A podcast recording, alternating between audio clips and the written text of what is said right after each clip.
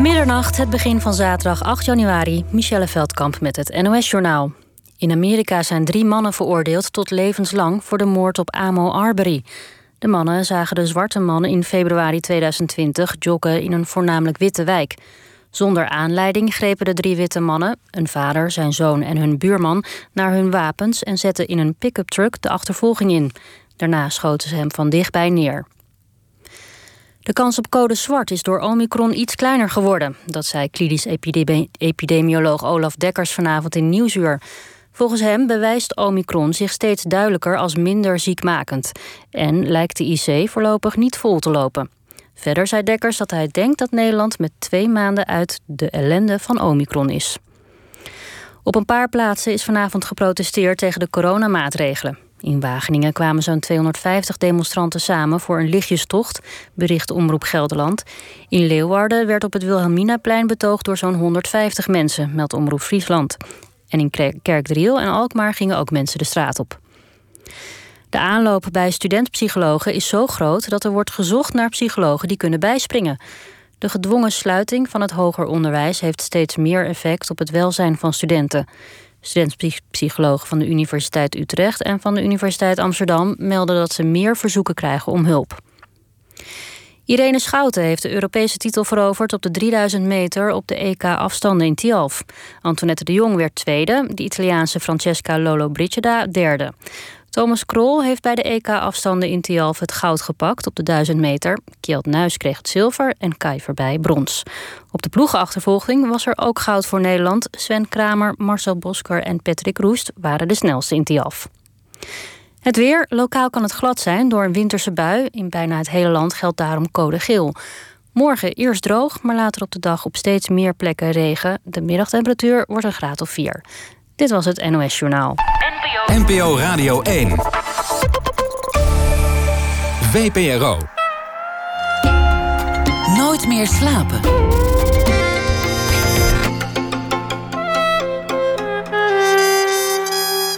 Met Lotje IJzermans.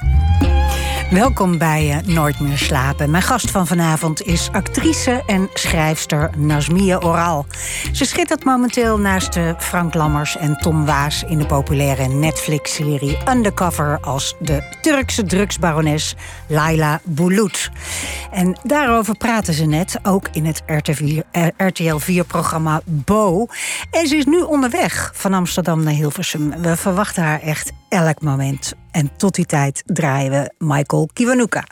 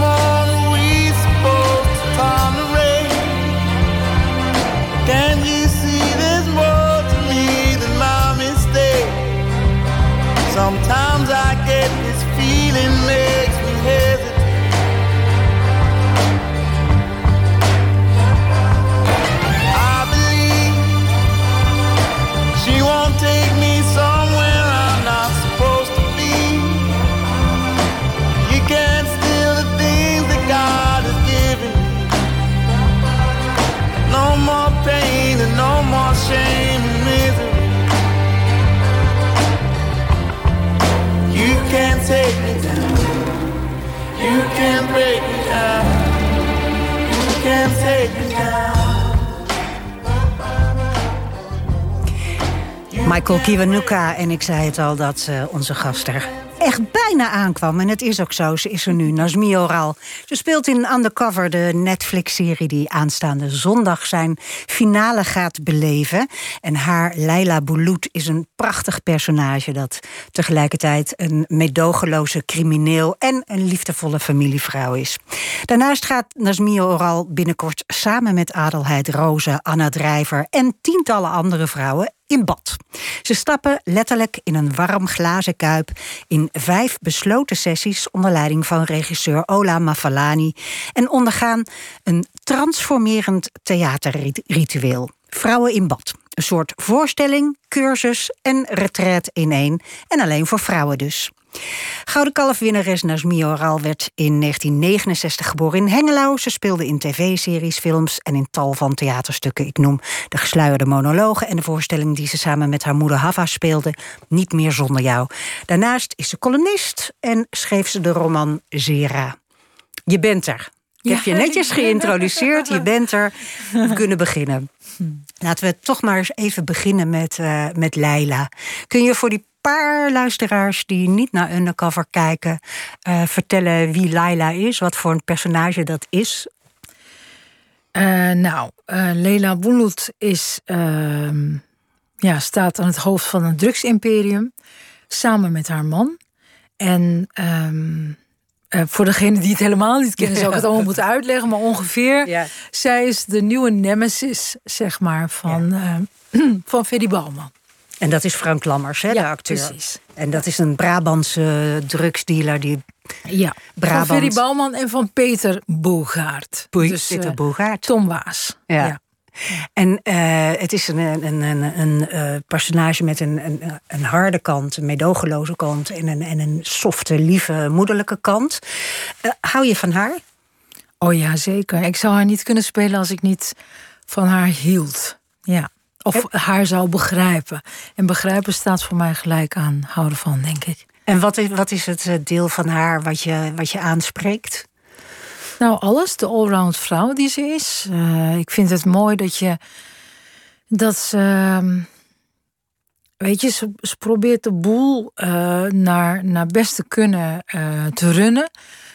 Tegelijkertijd vindt ze het heel belangrijk dat ze het goed heeft met haar man. Niet goed heeft van huisje, boompje, beestje, maar gewoon. Ze hebben best een stormachtige, passionele relatie. Ze is ook nog altijd verliefd op haar man en hij op haar. Dus.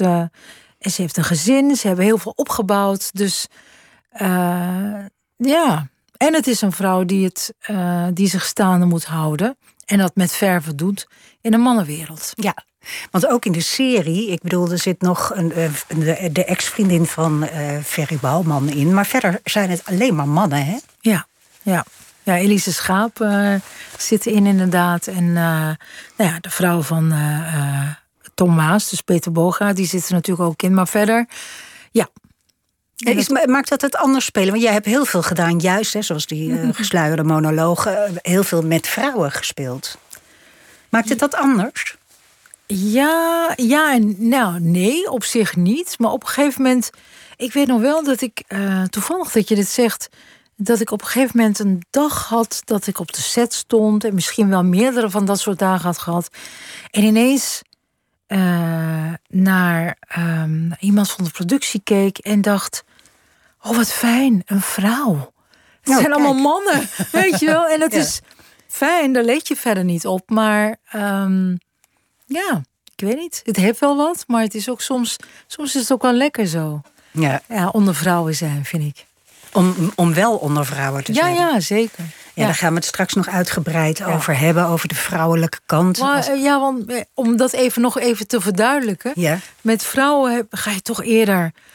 Ik weet niet, ik, wij gaan dan meteen de diepte in. Van, oh, ik heb slecht geslapen. En, eh, oh, vind je dat ik, oh, volgens mij ben ik aangekomen. Of whatever. Of ik heb eh, ruzie met mijn vriend. Of, weet dat soort persoonlijke Kwetsbaar- dingen. kwetsbaarheid. Ja, kwetsbaarder. En met, nou, dat zie ik mezelf niet snel doen met de cameraman, zeg maar. Nee, of met Nee. Tom Waas of... nee. nee. nou ja, met hen wel. Maar dat is meer. Je bent al, al meer dan twintig jaar aan het spelen. En ik heb het idee, ik weet niet of het zo is... dat dit voor jou wel een soort doorbraakrol is. Terwijl je al een gouden kalf in, in, in de pocket hebt. Maar toch, eh, ik heb het idee dat nu opeens iedereen weet wie je bent. Ja, dat is inderdaad gek, hè? Hoe Is dat het, werkt. is het zo of is het mijn... eh, Nou, ik denk. ehm, nee, dat, nou, dit is natuurlijk een Netflix-productie. Het is een ontzettend eh, populaire serie. Eh, dus er zijn ook veel meer kijkers. Er zijn ook echt fans. ehm, die gelukkig blij zijn met mij. en eh, dus dat is. Ik heb een heel nieuw eh, gebied bijgekregen aan publiek. Maar ik denk dat ik daarvoor eh, ja, veel theater. Dus dan heb je wel je publiek die weet wat je doet. Maar zeker niet ook in België of zo. Daar kenden ze me helemaal niet. En ehm, weet je wat ik merkte? Ik krijg nu eh, elke dag meerdere tientallen berichten van mensen die zeggen: Oh, ik vind je zo goed en ik vind je zo goed acteren. En wat ik mij niet realiseerde is. Ik heb dat in het theater, ken ik dat wel, dat je het hebt gespeeld. En je, je doet dat eigenlijk altijd samen met het publiek. Hè? Het creëren van magie, zeg maar. Het is echt een co-creatie. Dus ik ken het in het theater dat mensen naar je toe komen en geëmotioneerd zeggen: Ik vond er dit van en dat van. Dus hè, meestal positief. Ehm, maar niet dat mensen mij, zeg maar, gingen. Ja, behalve dan over niet, niet meer zonder jou. Maar goed, dit kende ik niet. En nu dacht ik ineens: Wauw ik heb een gouden kalf. Dit heb ik nog nooit meegemaakt. Dat, dat het publiek massaal zegt: Ik vind u zo goed, ik vind je zo goed. En ineens voelde ik wel voor ik het doe. Ik doe het natuurlijk voor mijn eigen plezier. Maar ik dacht: Oh, eindelijk ben ik de bakker. Die gewoon een goed brood bakt elke dag. en mijn klanten zeggen: Bakker, well done. I love Lekker, it. Het is ja. zo lekker. Het is, mijn kinderen vinden het lekker. Dus dan gaat het ineens over je vak. En Ja. dat je denkt: hier doe ik het voor. Nou, het is grappig, ik want ik heb niet. het gevoel dat, dat eh, en- en- hè, zoals met die gesluierde monologen, ben je overal geweest, ook in het buitenland. Ja, eh, en ook met Niet meer New York. ook in eh, New York, ja. ook met je moeder. Ehm, maar ik heb het idee dat de laatste jaren met de Gouden Kalf en je was zomergast, eh, veel mensen vonden dat geweldig, dat je, dat je soort steeds completer aan het worden bent in, in, ja, in, in je werk eigenlijk. Ja, in mijn werk, maar dat werk. eh, ik denk dat ik een complete mens Ja. ben geworden. En ehm, die gouden kalf, dat, dat schoot wel een beetje op, zeg maar. Ik wist niet dat ik daar zo'n belang aan hechtte. Ik heb er ook nooit over nagedacht. Dat is voor de televisiefilm In Vrijheid, hè? Precies. En in 2016. En toen ik hem kreeg, ik kon hem ook niet ophalen. Ik was aan het spelen met mijn moeder. En eh, toen ik het hoorde, na afloop eh, publiek, applaus. En toen kwam eh, onze productieleider en die zei... ja, nou, ze heeft ook een gouden kalf. Dus ik, ik ging ondanks mezelf, ik moest huilen. Ik dacht, wauw, wat gebeurt er nu? En daarna dacht ik voor het eerst, oh ja, want ik ben een enorme, ik kan enorm twijfelen, omdat ik hele hoge standaarden heb aan of ik het wel goed kan. En ik heb nooit school gehad voor hè, toneelschool. En ach ja, ik doe maar wat en dat soort dingen. Dus ineens dacht ik, oh ja, ik ben toch wel een beetje, misschien kan ik toch wel een, een beetje kan ik toch wel acteren. iets. Ja. Ja. En daarna, ik denk wat er. Weet je wat er gebeurt, denk ik, als je jezelf begint te zien en, en jezelf waarde begint te geven en begint te accepteren dat je, dat je goed genoeg bent, precies zoals je bent, Dat je niet nog een keer moet reiken. Dat je niet nog een keer een cursus moet doen of nog een keer in therapie. Maar dat je helemaal goed genoeg bent zoals je bent. En daar vrede mee hebt. Dan verschuift de autonomie ook. Je wordt je autonoom en de autoriteit verschuift ook naar binnen. Dus je bent ook niet meer bezig met vind me leuk en goed. Hoe kom ik over? En, maar die waarde, ongemerkt, draag je uit. En ik geloof werkelijk dat het is zo binnen, zo buiten. Ja. Dus pas als je jezelf ziet, kan de ander jou ook zien. Ja, dus het is een, eigenlijk een soort samenspel geweest van erkenning, zoals zo'n gouden kalf, waardoor jij ook weer meer in jezelf ging geloven, waardoor dat ook weer uitstraalde. Ja, en ik heb keihard gewerkt wel. Ja, al heel lang. Ja, maar ja. En zelfs met dat harde werken merkte ik, een mens is echt een wonderlijk iets. Organisme. Want jij bedoelt met werken ook eh, dingen als therapie en coaching en meditatie en weet ik Ja, veel, alles wat je kan doen om een completer mens te worden. Precies. En, en eh, waarom ik zeg, een mens is eh, echt een bijzonder organisme, is het blijkt in mijn geval dat je, je kan werken aan iets. En werkelijk denken dat je ergens aan werkt. En nu ga ik het aan. En je denkt dat je het aangaat. En dan blijkt toch dat je om de hete, he- eh, hete brei Kun je heen een voorbeeld geven? Wat, wat heb je gedaan in je leven waarvan je dacht, zo, dit ga ik nou eens even aanpakken? Waar je toch niet tot kern kwam. Nou, ik, ik zocht bijvoorbeeld heel vaak de liefde buiten mezelf. En, ehm, en ik dacht, en ik wist wel met mijn hoofd van nee, het begint altijd met zelfliefde, zelfrespect, zelfwaarde. Maar ik dacht, maar hoe dan? Hoe moet ik dat doen? Ik heb geen idee. Wat moet ik? Moet ik voor de spiegel gaan staan of whatever? En dan ehm, dacht ik, oh ja, dat moet ik doen. Dus dan, maar dan ga je daarop in en dan, en dan doe je het een week en dan stopt het weer. En dan doe je het een drie dagen en dan stopt het weer. Maar je gaat er niet echt naartoe. Tot ik vorig jaar met corona kwam ik via via een vriendin eh, mijn eh life coach tegen, Moazes Chitin uit Ankara. En ehm, toen begon ik met haar via de Zoom. En zij begon meteen inner child work, dus innerlijk kindwerk moet je doen. Oh, en daar had ik over gelezen. En ik had over, want ik had al die boeken gelezen. En ik dacht, ja, ja, binder dan got the t-shirt. Heb ik al gedaan. Helemaal niet. Weet je?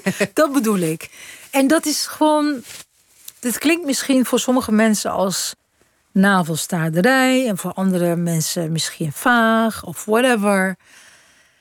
Maar voor mij blijkt. Om een ander te begrijpen, moet ik eerst mezelf begrijpen. En, maar daarvoor doe ik het niet eens. Ik doe het puur uit egoïstische redenen. Ik wil een fijn leven.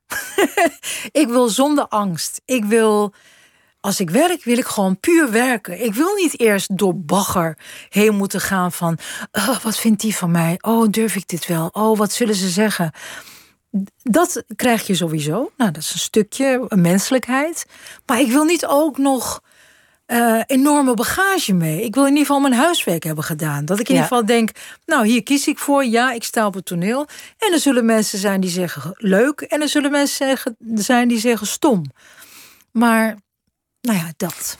Je hebt, je hebt dus een enorme weg afgelegd in, in zelfacceptatie ook. Ja. Ja. Heeft, heeft de voorstelling die je met je moeder eh, gemaakt hebt, hè, daar heb je lang mee eh, gespeeld, samen Ja. met je moeder, waarin jullie eigenlijk een, ehm, het verhaal van jullie leven eh, aan een publiek vertellen, in de openbaarheid met elkaar in gesprek gaan. Je moeder is in Turkije geboren, woont hier sinds halverwege de jaren zestig. En eh, er waren in jullie leven wel dingen die je nog eens met haar wou bespreken. Moet ik het zo zien?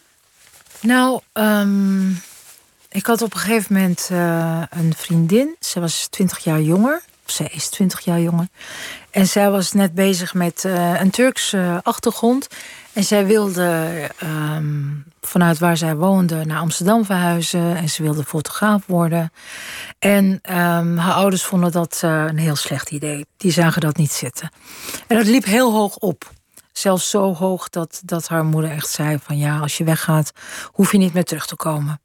Dat is natuurlijk moederlijke ehm, spierballen laten zien in de hoop dat ze gewoon niet weggaan. Moederlijke krachtpatserij. Ja, precies. En, en omdat ik natuurlijk die weg had bewandeld en, en ik de enige oudere persoon was die zij kende, die, waar zij hierover kon praten.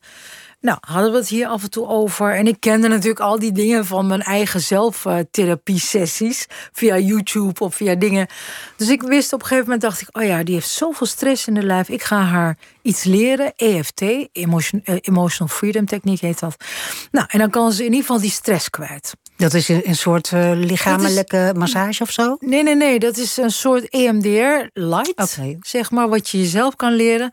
Ik heb mijzelf bijvoorbeeld van vliegangst. eh, Zo kun je van je trauma's afkomen. Ja, ja. Oké. Maar je moet altijd nog naar een therapeut. Hè? Dat wil ik even bij gezegd hebben. Don't try this at home, Nee, folks. Maar bijvoorbeeld, ja, je knipt eh, de eh, verbanden door tussen Hersenhelften. trauma van. Ja, precies.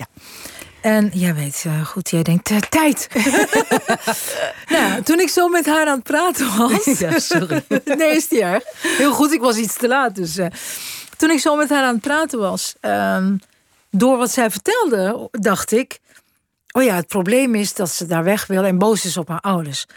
Maar toen ik zo met haar aan het werk was en zij vertelde hoe. Kreeg ik echt een soort download van hoe het echt bij haar zit. Namelijk, haar probleem was niet haar eh, pissigheid naar haar ouders toe. Haar probleem, quote unquote, was haar liefde. En die liefde was zo groot. Ehm, en ik zag ook de liefde bij de ouders. En ineens zag ik alles. Ik zag mezelf twintig jaar terug. En ineens dacht ik, oh my god, dit gaat nog steeds door. Aan de ene kant heb je ouders... die wel voelen dat ze hun ouderschap moeten herzien... maar niet weten hoe. Aan de andere kant heb je de kinderen. Het leven doet zich gewoon. Die kinderen eh, we gaan door, willen andere levens. eh, sommigen, niet iedereen, maar toch. En die twee, eh, die zoveel van elkaar houden... weten niet wie ze zijn van elkaar... hebben ruzie met elkaar... En ik keek toen naar mezelf en ik dacht, heb ik ook met mijn moeder. Er is geen intimiteit. Als ik weg zou vallen nu, wat gewoon kan in het leven, dan weet mijn moeder niet wie ik ben en andersom. En dat is zo geweest omdat jij eh, uitgehuwelijkt bent geweest door je ouders. Nou. En, en daarna eh, hebt gezegd: nee, ik wil dit niet. En ik wil gaan studeren. Een aantal dingen hè, die ik nu even heel kort door de bocht zeg. Om te illustreren aan de luisteraar dat jij zelf op die plek geweest bent. Ja. Ehm uitgehuwelijkt geweest zijn, dan zou ik al getrouwd Oh ja, moeten sorry, zijn. nee, dus het was de bedoeling. En het was ook een gearrangeerd huwelijk. Dus Mhm. dat er wordt gezegd hier. Ik, ik, ik probeer heel voorzichtig te zijn. Of nee, ik De juiste woorden. secuur te Ja. zijn met mijn woorden. Want heb een beetje een trauma opgelopen met de interviews die ik de afgelopen tijd heb gedaan in België. Naar aanleiding van Undercover. Omdat ze mij daar niet kennen, proberen ze alles zo heel scherp tegenover elkaar te zetten. Terwijl ik denk, juist in deze tijd waarin we de nuance zo kwijt zijn, vind ik ten eerste dat je als publiek je eigen huiswerk te doen hebt. Ik hoef niet alles voor te kouwen. Ten tweede, ehm, nuance is belangrijk. Dat nee, is maar wat we hebben een uur, dus we hebben de tijd voor Nee, nuance. precies. Dus ehm, ik had het een en ander meegemaakt met mijn moeder. Hè, onder andere dat ze heel graag wilde dat ik met een jongen ging trouwen. Nou, ik zag dat niet zitten. En het kostte me anderhalf jaar om dat uit te maken. Want mijn moeder had zoiets van, nee, je moet. En ehm, nou, allerlei dingen. En dus toen dacht ik, ik wil het gesprek aan. En ja, ik, ik kan niet iemand anders. Ik ben er. Ik, ik werk autobiografisch. Dus ik moet dat gesprek aan met mijn moeder. Dus ik ben naar mijn moeder gegaan. En ik wist ook, ik moet het gesprek aangaan over de tradities en de regels. Maar dan aan de hand van de tradities en de regels.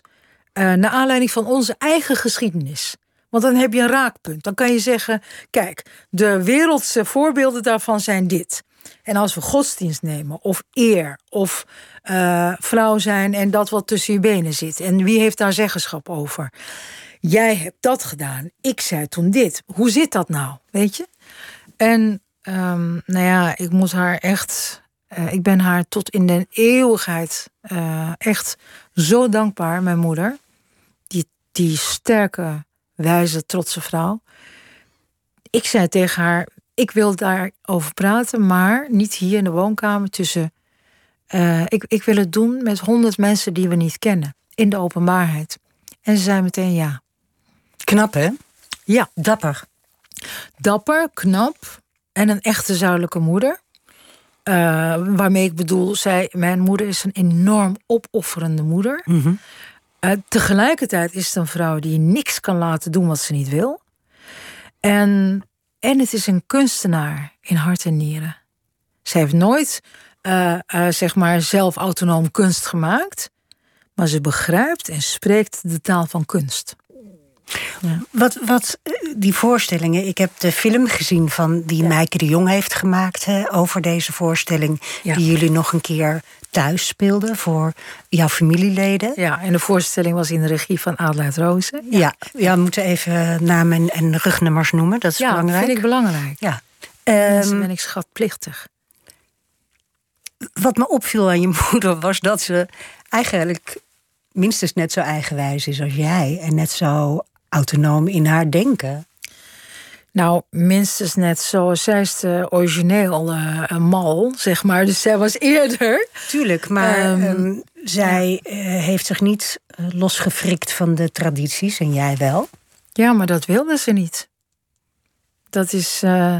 het betekent niet dat je beter of verder of. Nee, nee. Nee, nee, maar als we zeggen ze heeft zich niet losgewrikt dan uh, zou je puur uh, hypothetisch, als je dat zo als theorie, theorie ziet, dan betekent dat dat ze zich dan ergens wel. Maar mijn moeder is, uh, leeft het leven wat ze, wil, wat ze wil, echt wil leven. En dat is ook het mooie, denk ik, aan ons gesprek. Wat echt een radicaal intiem gesprek was, is omdat.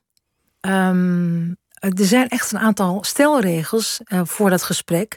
Ben ik achtergekomen. Omdat en ik dacht, had een aantal punten, hè? Die... Ja, want uh, het is, die methodiek is echt overdraagbaar. En een van die punten is... niemand hoeft van het ene kamp naar het andere. En als je dat gesprek, zoals wij die hebben gevoerd... echt aan wil gaan... dan moet je dus bij jezelf nagaan... ben ik toch stiekem sneaky naar een uitkomst aan het vissen van Kumbaya, my lord, we zijn het eens en dan pas kunnen we samen zijn. Of probeer ik landjepik te doen? Wil ik, ben ik eigenlijk oorlog aan het voeren? Wil ik jou eigenlijk overhalen naar mijn kamp? Ook weer. En dan pas kan ik met je leven. Of durf ik te blijven staan, aanwezig te zijn en te denken: ik wil alleen maar getuige zijn van jou. Ik wil jou echt tot me nemen. Dat. En als je dat kan of durft, het is waanzinnig, omdat wat blijkt nou? Uh, ik heb nog niet meegemaakt dat ook al ben je radicaal anders, of je denkt anders of whatever. Ik heb het nog niet meegemaakt dat de eindsom of conclusie is dat je dan maar afscheid moet nemen. Juist andersom. Je wordt juist intiemer.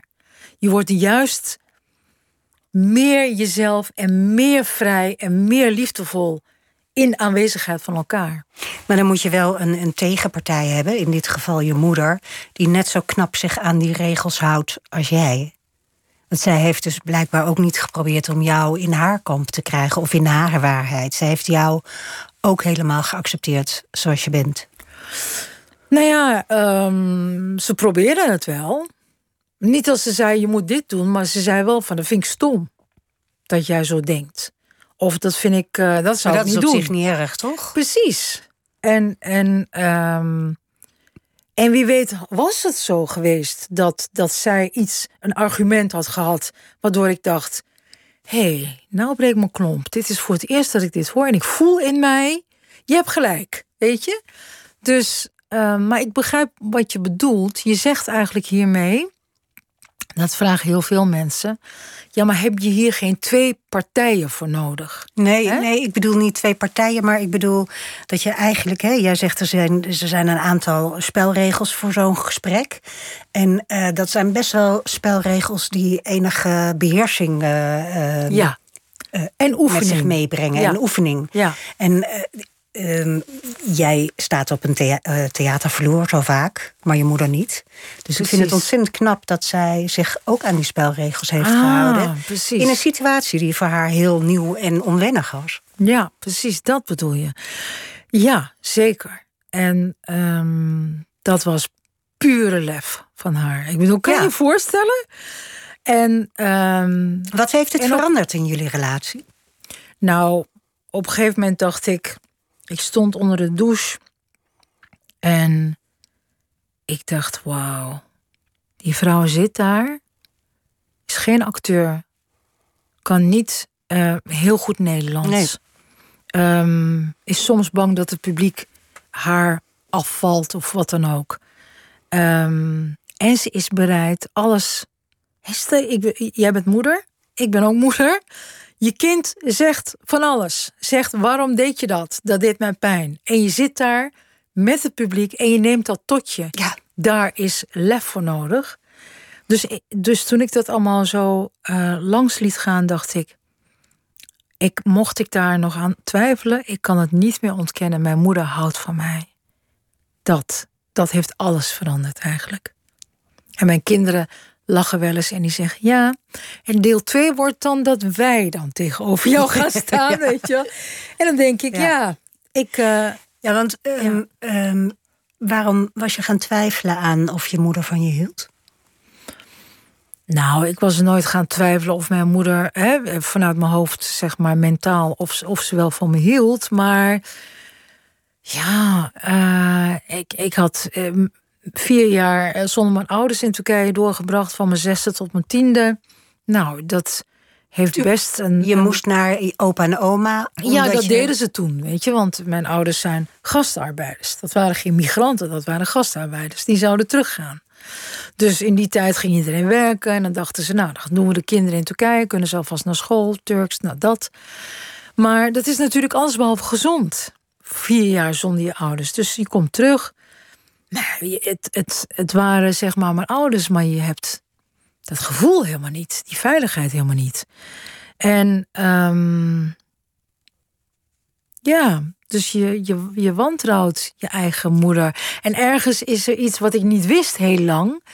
Ergens eh, was er in mij toch een kind wat dacht: ja, jij hebt mij gewoon weggedaan. Ja. Jij bent mijn moeder en mijn vader, maar hè, en degene die het van mij horen te houden. Nou, als jullie dit doen, dat. Dus je gevoel voor veiligheid en liefde en vertrouwen was eigenlijk daar heel erg in beschadigd geraakt.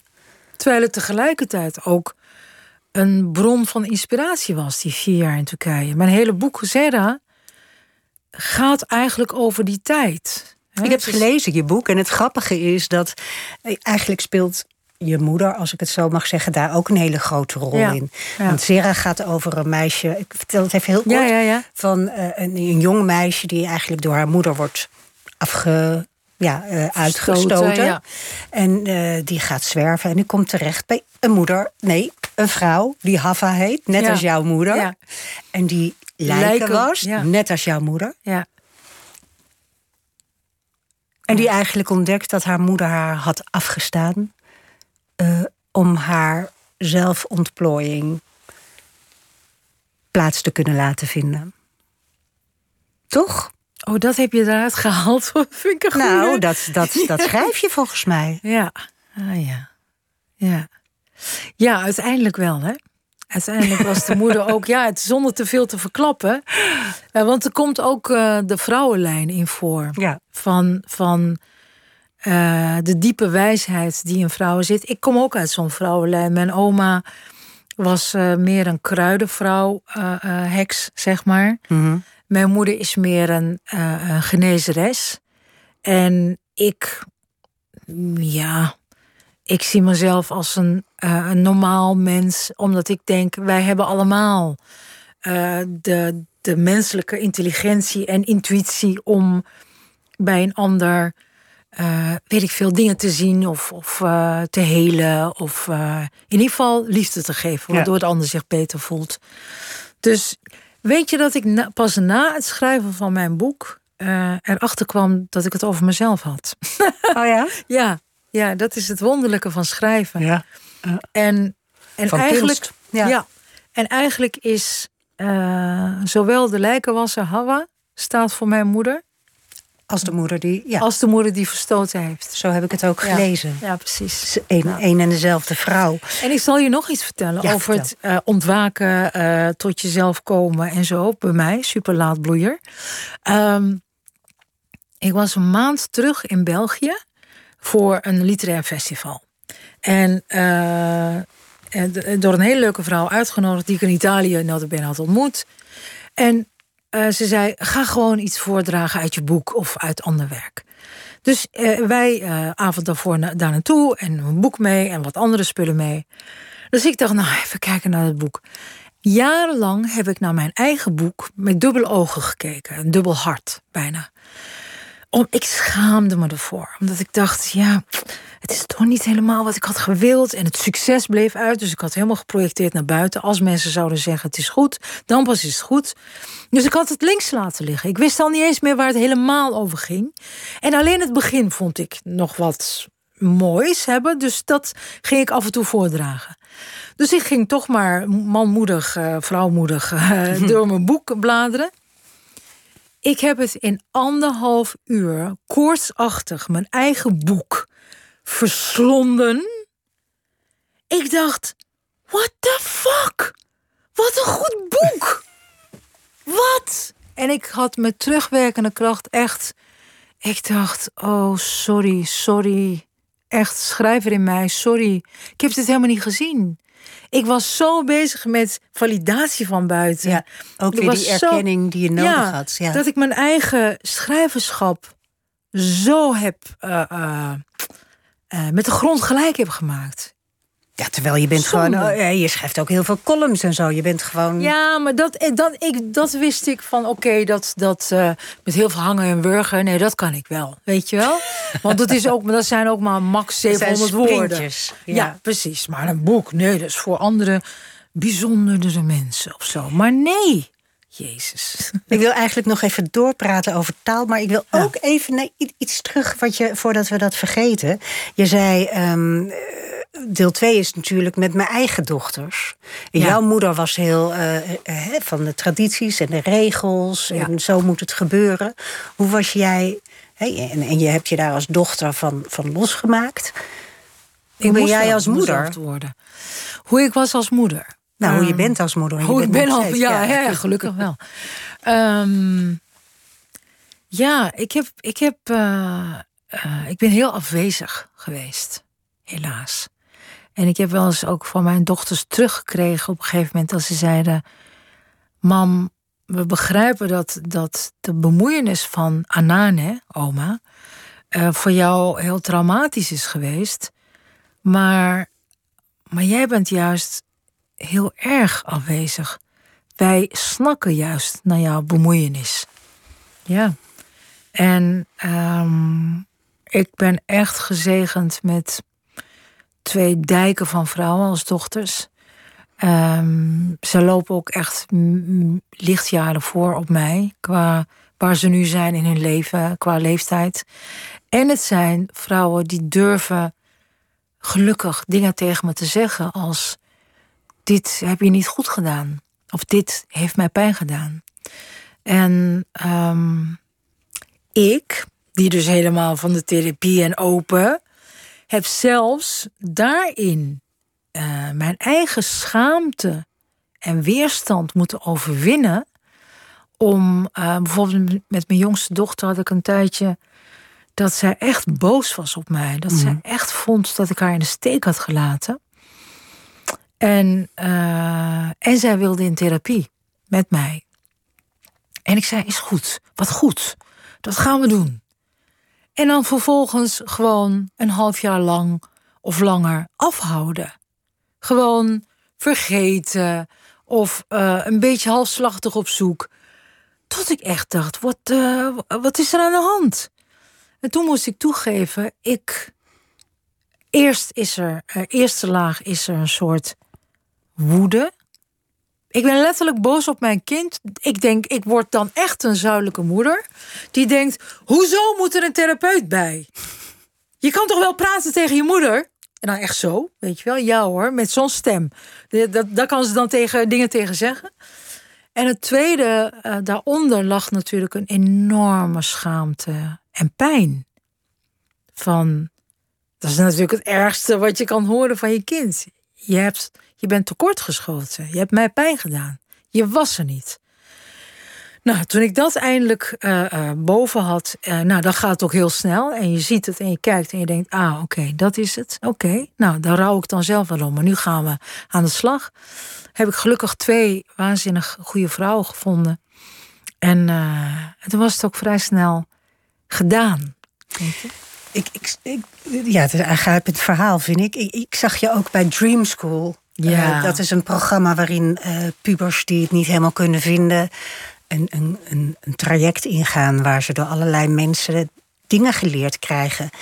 En jij leerde uh, de kinderen daar om de dingen die ze nooit onder woorden uh, brengen, om dat juist wel onder woorden te brengen. En je zei, en dat vond ik echt heel mooi, als je je angst wegdrukt, dan is je angst de meester en jij de slaaf. Maar als je je angst aandurft te kijken, dan krijg je een heel andere verhouding daartoe. Ja. Dat is eigenlijk wat jij nu net vertelt, is daar een heel mooi voorbeeld van, ja. toch? Over ja, de therapie met je dochter. Precies, en ik ben ook heel blij dat ik. Uh... Dream School heb gedaan nadat het helemaal goed zit met mijn dochters. Want die zijn allebei gek op Dream School. Jasmin en Leila zijn er gek op. En Jibi ook, mijn cadeaudochter. En um, waardoor zij volhartig konden genieten van wat de kinderen kregen. En wat ze zagen mm -hmm. dat hun moeder aan de kinderen gaf. Zonder te denken, en wij dan? Ja. Of zo. Hè? Dat die, die woede was uitgeraasd, oh, dat ja, was ja, ja, opgelost. dat was helemaal goed. Dat hoefde niet ja, meer. Dus je hoeft ook niet met je dochters op het toneel straks. Nou, over als 20 zij de behoefte voelen wel. Want uh, ik weet ook al heel lang, ook al ging je dat saboteren dus. Maar ik denk, ik denk dat je als moeder twee dingen moet doen. Eén is er zijn, als je kan. En soms ben je zo getraumatiseerd dat je het niet doorhebt, maar dat je er niet kan nog. Er zijn. Want je, je bent te um, gevuld door trauma, zonder dat je het doorhebt. Um, en het tweede is, je mag hopen dat als je kind durft te zeggen, je hebt me tekort gedaan, dat je kan zeggen, het spijt me, je hebt gelijk en, en mag ik een kans om het goed te maken. Ja. ja. Dat, eigenlijk heeft je moeder dat ook bij jou gedaan. Ja. Ja. Zeker. En, en uh, als je zegt van ik, ik was te getraumatiseerd. Ja, misschien een brutale vraag, maar wat was jouw trauma? Was dat die, die vier jaar in Turkije? En, en het gebrek aan vertrouwen wat je daardoor had? Ja, dat denk ik wel. En nog veel meer dingen waar ik het nu niet over ga hebben. En, um, maar kijk, trauma. Wij zijn zo gefixeerd op uh, pijn hè, en drama. Dat is ook een manier waarop we leren. En, um, maar ik wil vooral ook, en voor mezelf nu even, en voor iedereen die luistert, zeggen: Mijns inziens is de menselijke staat van zijn is een traumatische staat van zijn. Oh, is ja? trauma. Ja. Ja. Je, je, um, je moet je tot elkaar verhouden. Die, dit kostuum heeft je lichaam, op, je lichaam heeft op een gegeven moment een ik-besef. Um, maar je bent ook wij. Je moet je verhouden tot de ander. Wij denken gedachten en we nemen dat persoonlijk. Maar er zijn, uh, een, een, dat is bewezen, er zijn een soort veertigtal gedachten die iedereen wereldwijd heeft. En iedereen Ja. die ik ook tegenkom, heeft een van de, uh, een stukje van die waaier. Of je denkt, uh, ik ben niet goed genoeg. Of je denkt, mag ik er zijn? Of je denkt, ik moet iets doen om überhaupt te mogen bestaan. Je moet het verdienen. Ik moet het verdienen. Dus of je nou een supergoeie uh, jeugd hebt gehad of niet. Je moet je verhouden tot dat mens zijn. Dat, dat, dat Ja, dat vergt, vind ik leuk dat je dat zegt. Ja, dat Ja. vergt uh, arbeid. Dat vergt bewustzijn. Dat vergt werk. Ja. En het is oké, okay, want dat is dan mensen. Ja, ik, ik, ik vind het een leuke uh, kijkwijze. En dat was ook bij Dream School dat je het had over de innerlijke saboteur. En ik denk dat iedereen dat bij zichzelf ook herkent. Ja. een innerlijke saboteur die zegt: eh, je kunt het niet, of het zal wel weer niet goed zijn. Precies. Of laat maar zitten, het hoeft al niet meer. Precies. Ja. En weet je, ehm, het is ook, sommige mensen hebben dat met humor. Dan, dan, eh, die, die zijn dan heel grappig, waardoor alles heel licht wordt en niet persoonlijk. Ehm, en dit is mijn manier. Ik, ik zeg wel heel vaak ik, maar eigenlijk als ik het over mezelf heb, heb ik het bijna niet over mezelf. Niet dat ik eh, vanuit een soort dissociatie praat, maar ik bedoel eigenlijk, nou toevallig de- deze mens, weet je Ja. wel? Want ik heb een, nou, Ja, dat is- dat is alleen ook- maar mijn eigen ervaring. Dat is ook hoe je je werk hebt, eh, eh, hebt gedaan. Hè? Je Ja. hebt eh, autobiografische elementen, pak je. En daar wil je eigenlijk een universeel verhaal mee vertellen. Precies. En het was ook zo leuk met het voorgesprek wat ik voor dit gesprek had. Ja, met Ehm, Irene, onze redacteur. Ja, Irene, ik ben haar zo dankbaar. Want terwijl we zo aan het praten waren, kwam ik op een, op een soort een voorbeeld. Ik zei: Oh, wacht. Weet je waar dit op lijkt? Dat is waarom ik er graag over praat, over die menselijke ervaring. Vroeger, toen we in grotten zaten, nou, dan eh, waren we afhankelijk, hadden we nog geen Google of whatever. Als ik dan ergens een, eh, gro- een struikje bes had gevonden of eh, een mammoetkudde, dan kwam ik terug in de grotten en dan zei ik: daar en daar, het water over links, daar is eten. Weet je wel, je deelt dat. En nu denk ik: oh my god, als je heel veel angst hebt gehad, maar je doet dit, dan gaat het over. Dus, de- dus ik doe hetzelfde als in de grotten, maar dan vanuit wat ik telkens als menselijk als mens ervaar. Ik Nou ja, zo dat, is, dat delen. is ook heel handig. Want als er inderdaad veertig gedachten zijn, zoals jij zegt, hè, 40 groepjes En allemaal gedachten. onpersoonlijk. Je Ja. denkt, ik, ik ben zo, ik denk dat, want eh, eh, oom Piet of uh, Hupplepup, die zei dit, daarom heb ik zo. Ach man, het is allemaal eh, het mens zijn. Ja. Ja. Met, met ieder natuurlijk zijn eigen parfum en zijn eigen, weet je. Nuances, Nuances, en ja. eigen, eigen trauma. Hè? Ja. Je hebt ook recht op het eigen trauma, Natuurlijk. toch? Ja. Natuurlijk, zeker. We gaan eh, met z'n allen in bad. Ja, let's do it. Ja, wat, wat gaan we doen? de meest epische voorstelling. En dan heb ik niet meer zonder jou gemaakt. Wat al een. Vind, ja, ik ben nu Niet even meer zonder jou is de voorstelling met ja, je moeder, Met mijn moeder, Ja. dat was al eh, theaterhistorie. Maar de most epic, echt, voorstelling die ik ooit ga maken. Wat gaat er gebeuren? Wij gaan met 40 vrouwen letterlijk in bad. As we speak, sorry, ik doe Engels af en toe kan me niet schelen. Vind ik leuk. Eh, ehm, as we speak worden er ergens in Nederland eh, of in de Benelux eh, eh, glazen, plexiglazen baden gemaakt. En er komt mooi licht onder. Eh 40, dus 36 vrouwen die zich hebben opgegeven. Vanaf 24 februari. Elke donderdag zit je in een groep met 36 vrouwen. Of elke zaterdag. Dus de twee aparte groepen. Je bent als publiek geen toeschouwer, maar deelnemer. We zijn alleen maar met vrouwen. Dus ook de spelers, de muzikanten, de, de cello-speler. Er komt uit LA. Ik heb net vandaag een, een eh, Zoom-meeting gehad met haar. Een, eh, eh, schilderes die eh poesies schildert. Maar dat doet ze. Zij noemt het een initiatie. Zij noemt het dat zij getuige is van de vrouw die tegenover haar zit. Daar doet ze drie uur over. Ze praten over en weer.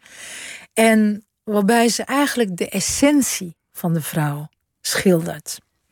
En doordat zij met elke pennenstreek, met penseelstreek moet ik zeggen, eh, wordt de vrouw in haar vrouwelijkheid opnieuw ehm, eigenlijk gebaard. Hè? Je incarneert opnieuw als vrouw. Je krijgt een soort bevestiging van ja, ik ben jouw getuige en jij mag bestaan. Eh, we hebben vijf voorstellingen. Ehm, de Inner Bitch bijvoorbeeld. ja, de een, voor de een, voor, voor Ola is het bijvoorbeeld eh, onze De regisseur, regisseur, hè, Ola. Mafalani en Adelheid Rozen zitten in, Anna Drijver. Ehm, eh, voor Ola, de regisseur, is de Inner Bitch. Ze zegt, nou ja, de wereld. Ik bedoel, het is totaal uit de hand gelopen. We maken de moeder aarde kapot. eh over eh, eh, al die dingen. De Inner Bitch zegt, stop. in mijn naam, in de naam van mijn kinderen, stop. Maar echt, stop. Ehm, ik denk, ik weet niet van mijn inner bitches. Want, ja, ik heb de inner bitch gebruikt. Bij Leila Bullet heb ik haar gebruikt. Maar is dat werkelijk mijn inner bitch? Misschien is mijn inner... Ik, ik, die, wo Ja, die ja. woorden, hè, ik vind, hè. Ja. Misschien is mijn inner bitch wel super sereen en helder. Misschien is mijn. Snap je wat ik bedoel? Net En zoals maar- wij. maar dat, ga, dat gaan de, de 36 vrouwen die deelnemer slash toeschouwer slash publiek zijn, Ja, die gaan dat ontdekken.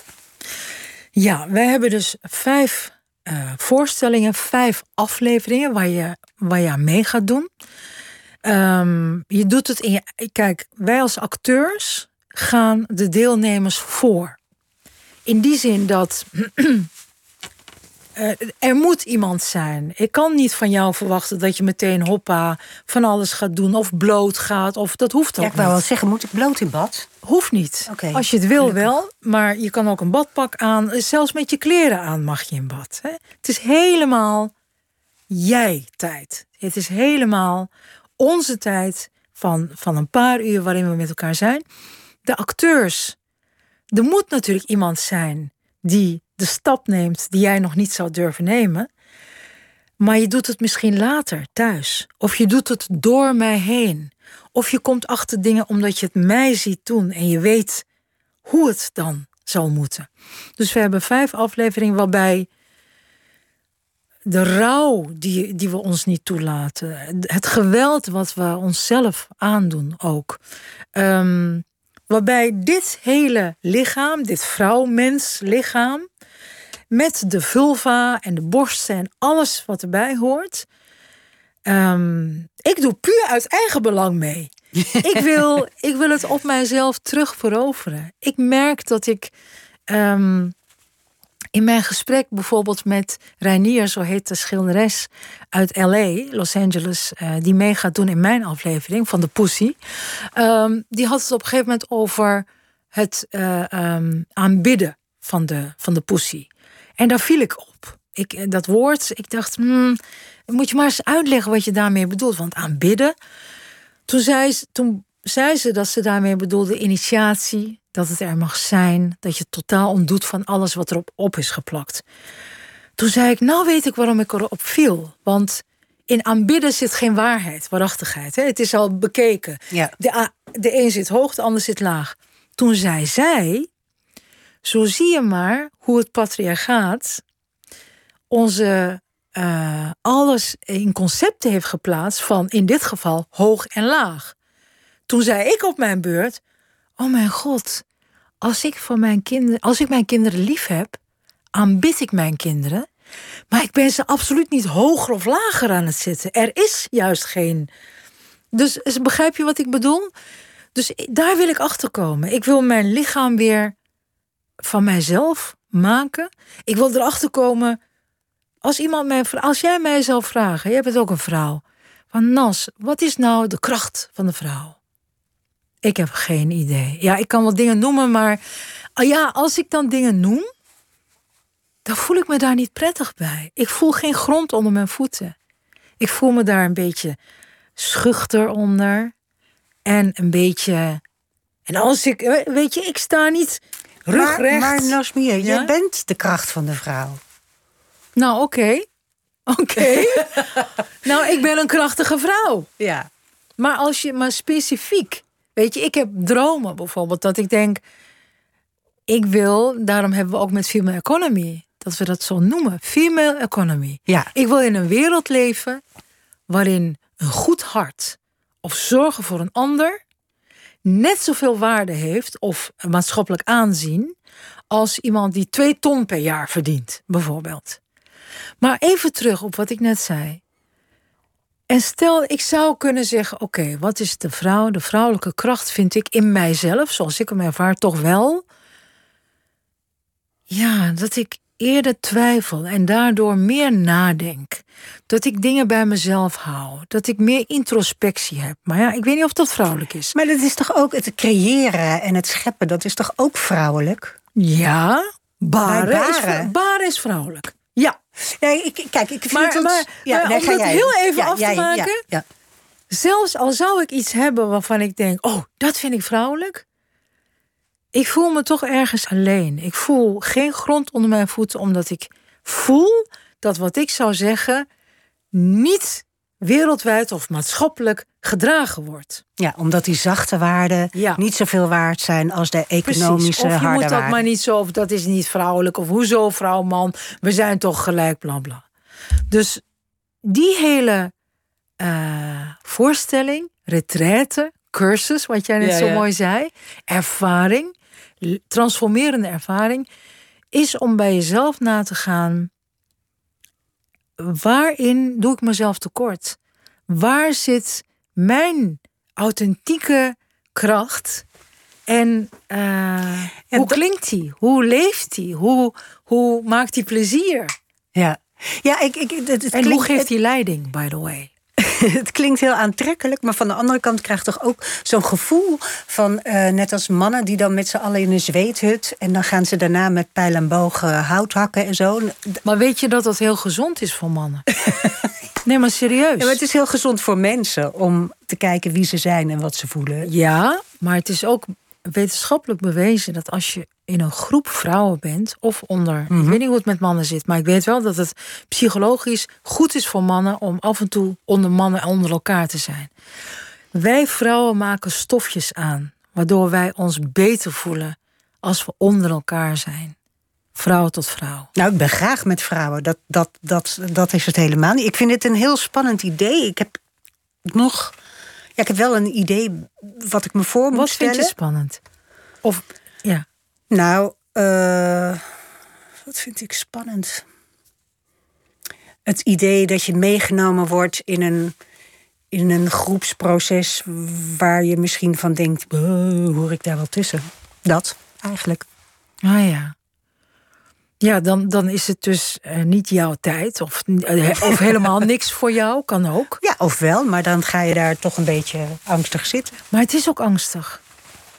Maar het leuke is, ik weet zeker, zodra je een stap zet in onze fantastische locatie, stel je een hele grote hal voor, verwarmd. En de banen zijn ook warm. En het is één groot glazen dak. En het is donker en wij zitten daar allemaal. En er wordt, je wordt welkom geheten. Door mij, door Adelheid. Maar van mens tot mens. En ik ben ook net zo kwetsbaar. Want oké, ik heb mijn tekst. Maar ik ga ook mijn eigen ehm, autobiografie aan. Ik ga daar ook naartoe met... Oké, ik heb mijzelf geweld aangedaan. Ik zit nu bijvoorbeeld eh, in de overgang en menopauze. Ik weet niet eens welke eerste is of tweede of whatever. Maar dingen veranderen in mijn lichaam. Hoe ik naar mijn lichaam kijk verandert. Ik moet me daartoe verhouden. Eh, wil ik dat wel? Ik merk dat helemaal wonen in mijn vulva. Wat natuurlijk helemaal nu klinkt dit outlandish. Zo van, wat? Wat zegt ze nou? ja, dat kan. Als je, je kan hem voelen, zeg maar, daar helemaal indalen. Ik merk dat ik dat spannend vind. Ik merk dat ik kennelijk dus uit een cultuur kom... waar vrouw zijn gevaarlijk was. Ja. Ja. Dus, en ik wil dat ten volle kunnen zijn. Want ik heb dochters. Ik wil hen dat ook kunnen doorgeven. Ja, en, en je bent zelf een vrouw. Ja. En, en jouw motto is altijd geweest: de waarheid zal je bevrijden. Dus Oh ook my God. hierin moet Ja. jij jouw waarheid vinden. Ja, en wij met z'n allen. Ik kijk, ik ben nu, ik hou nu al van de vrouwen die meedoen, omdat dat groepsproces is ook zo waanzinnig, omdat je eh, dubbel zo hard werkt alles door. Oh, Ja, als jij precies. iets doet, en je, je merkt al vrij snel. Eerst kijk ik naar jou en ik denk, oh ja, nee, dat heb ik niet. Blijkt van wel, weet je. dus het, is, het wordt één groot ongelooflijk bijzondere happening. Vrouwen die mee willen doen kunnen mailen naar vrouweninbad@femaleeconomy.nl of Ja. kijk op de website Female Economy. Ik ben heel benieuwd wat het wordt. Ik wil het heel graag wachten. horen. Ja. Dit was Nooit meer slapen. Dit programma is ook terug te luisteren als podcast. Maandag zit Pieter er. Hij ontvangt dan Ad van Liemt. Die komt praten over zijn boek The Roaring Fifties. Zo direct op deze zender podcastgids Vink met Misha Blok, Stan Putman en Vincent Bijlo. NPO Radio 1. Wie luistert, weet meer. NPO Radio 1.